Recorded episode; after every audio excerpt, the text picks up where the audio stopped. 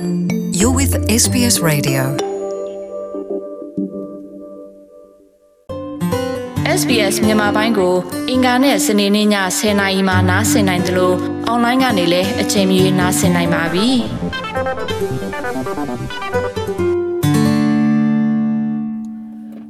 တော်ရရှိမြခင်ဗျာ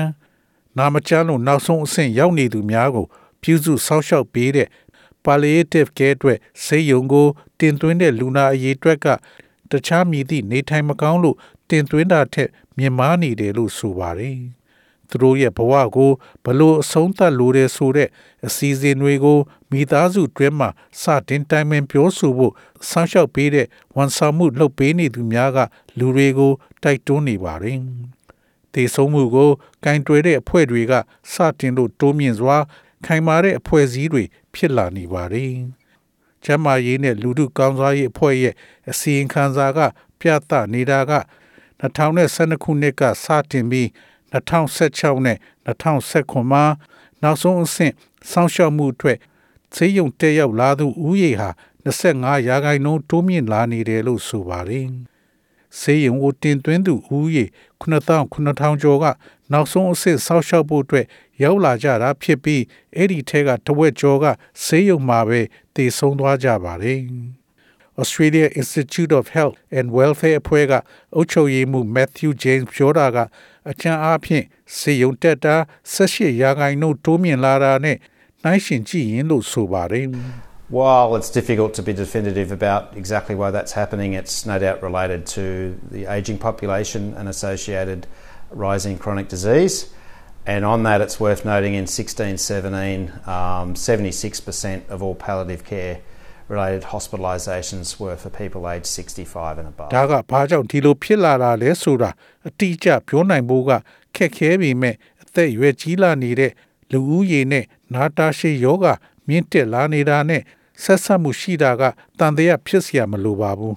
ပြီးတော့အဲ့ဒီမှာတိတာရာက2016ဆက်ခွန်မှာစီယုံတင်တဲ့ 86ရာခိုင်နှုန်းအားလုံးကယောဂနောက်ဆုံးအဆင့်ရောက်နေသူများဖြစ်ပြီးသူတို့ဟာအသက်65နှစ်ကျော်သူတွေဖြစ်ပါတယ်။အဲ့ဒီအစီရင်ခံစာမှာတွေ့ရတာကအဲ့ဒီ palliative care အတွက်ဆေးရုံတက်ရတဲ့လူနာတွေတဝက်ကျော်ကကင်ဆာနဲ့ပတ်သက်တဲ့ယောဂလို့ဆိုပါတယ်။ဒီအစီရင်ခံစာက National Palliative Care အပတ်မှာတုန်းကထုတ်ပြန်ခဲ့တာဖြစ်ပြီးအဲ့ဒီအပတ်မှာ palliative care ခေါ်ယောဂနောက်ဆုံးအဆင့်စောင့်ရှောက်မှုနဲ့ပတ်သက်လို့စတင်တိုင်ပင်ပြောဆိုဖို့နဲ့မိမိချစ်ခင်သူရဲ့နောက်ဆုံးအချိန်မှာကောင်းမွန်တဲ့ထောက်ပံ့မှုတွေပေးနိုင်ဖို့အတွက်လှုံ့ဆော်ထားဖို့အတွက်ဖြစ်တယ်လို့ဆိုပါတယ်။ palliative care New South Wales ရဲ့အုပ်ချုပ်ရေးမှူး Linda Hansen ပြောတာကတော့အဲ့ဒီမှာလုံလောက်တဲ့သတင်းပေးမှုတွေမရှိဘူးလို့ဆိုပါတယ်။ So I think people are not maybe uh, receiving enough uh, information about what palliative care is and what care at home looks like and what caring for someone who's dying at home looks like. So if you know all of those things and you know what to expect, you're less likely to panic when things get a little wobbly, which they often do um, near the end, and not call an ambulance. So, so if you've got some support and you're confident beforehand about what you're doing, palliative um, care that makes it a lot နောက်ဆုံးအဆင့်စောင့်ရှောက်မှုဆိုတာဘာလဲဆိုတဲ့လုံလောက်တဲ့သတင်းအချက်အလက်တွေမရှိတာဖြစ်နိုင်တယ်လို့ကျွန်မထင်ပါတယ် ပြီးတော့အိမ်မှာစောင့်ရှောက်ရတာကဘလို့လဲပြီးတော့သေဂာနီးလူတစ်ယောက်ကိုအိမ်မှာစောင့်ရှောက်ရတာဘလို့လဲဆိုတာတို့ကူပါဒါကြောင့်တင်သားဓာရီအားလုံးကိုသိမယ်ဆိုရင်တင်ဘာကိုမျှော်လင့်ရမလဲဆိုတာကိုသိမှာပါဒါမှသာအခြေအနေတွေရိမ့်ရိုင်လာရင်တင်ထိတ်ထိတ်ပြပြဖြစ်ဖို့ကပုံနေမှာပါမကြာခဏဆိုသလိုအခြေအနေတွေကရိမ့်ရိုင်လာတတ်ပါတယ်ပြီးတော့ဒီအချိန်မှာတင်သူနာပြုကားခေါ်ဖို့မလိုတာ နောက်သင်မှာအထောက်ကူရတာနဲ့သင်ဘာလုပ်ရမလဲဆိုတာကြိုတင်နားလေယုံကြည်မှုရှိရင်အဲ့ဒါကလူတွေအခြေအနေတွေကိုကင်တွယ်ဖို့အတွက်အရန်လွယ်ကူစေမှာဖြစ်ပါတယ်ဒါတော့လူအတော်များများကကိုယ်အိမ်မှာပဲသိဆုံးလို့တယ်လို့ပြောနေတဲ့ကြားကစင်းစရာများရဆိုရင်လူအတော်များများဟာစေယုံမှာတည့်ရောက်ပြီးသိဆုံးတာကိုတွေ့ရတယ်လို့ဆိုပါတယ်။ဆောင်းရှောက်မှုနဲ့ပတ်သက်လို့ရွေးချယ်စရာတွေကို ပုံမလို့ပွင့်လင်းစွာတိုင်ပင်ပြောဆိုဖို့လိုအပ်တယ်လို့အိမ်မှာလှုပ်ပေးနိုင်တဲ့ဝန်ဆောင်မှုအတွက်ပုံမထောက်ပံ့မှုတွေလိုအပ်တယ်လို့ Palliative Care New South Wales က Miss Hansen ကပြောဆိုပါတယ် There's just not enough support for people around around the country to be able to stay at home. So if people, uh, for some reason, it's it's just a, just a law of nature that the really hard things happen after hours. In the middle of the night, somebody will something will happen, and a family member will.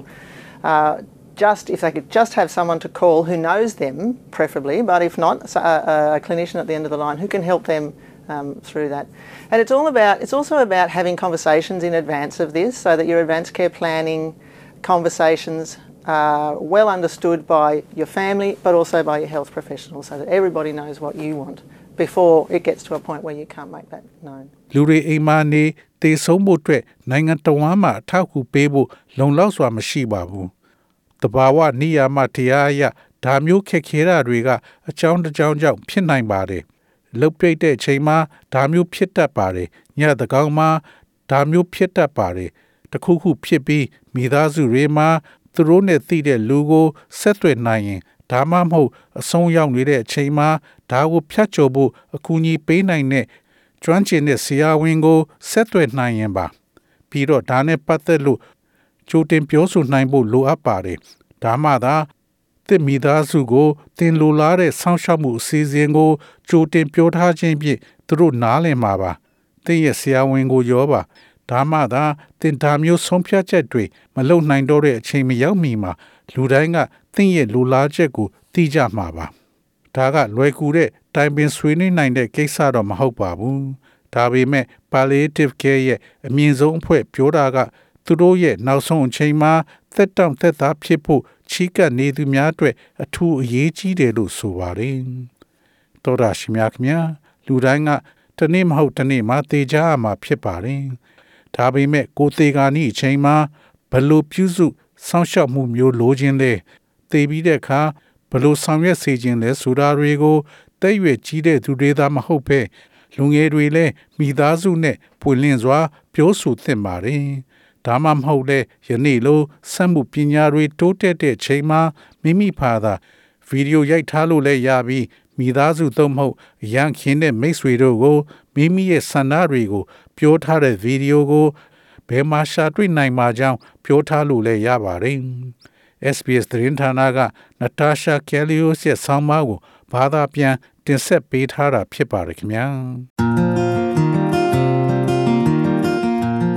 SBS မြန်မာပိုင်းကို အင်ကာနဲ့စနေနေ့ည10:00နာရီမှနားဆင်နိုင်ပါတယ်။နားဆင်နိုင်တဲ့နည်းလမ်းအများကြီးရှိပါတယ်။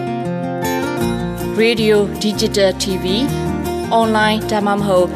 SBS Radio App ကနေတဆင့်နားဆင်နိုင်ပါတယ်။ SBS မြန်မာပိုင်းအစီအစဉ်ဖြစ်ပါတယ်ရှင်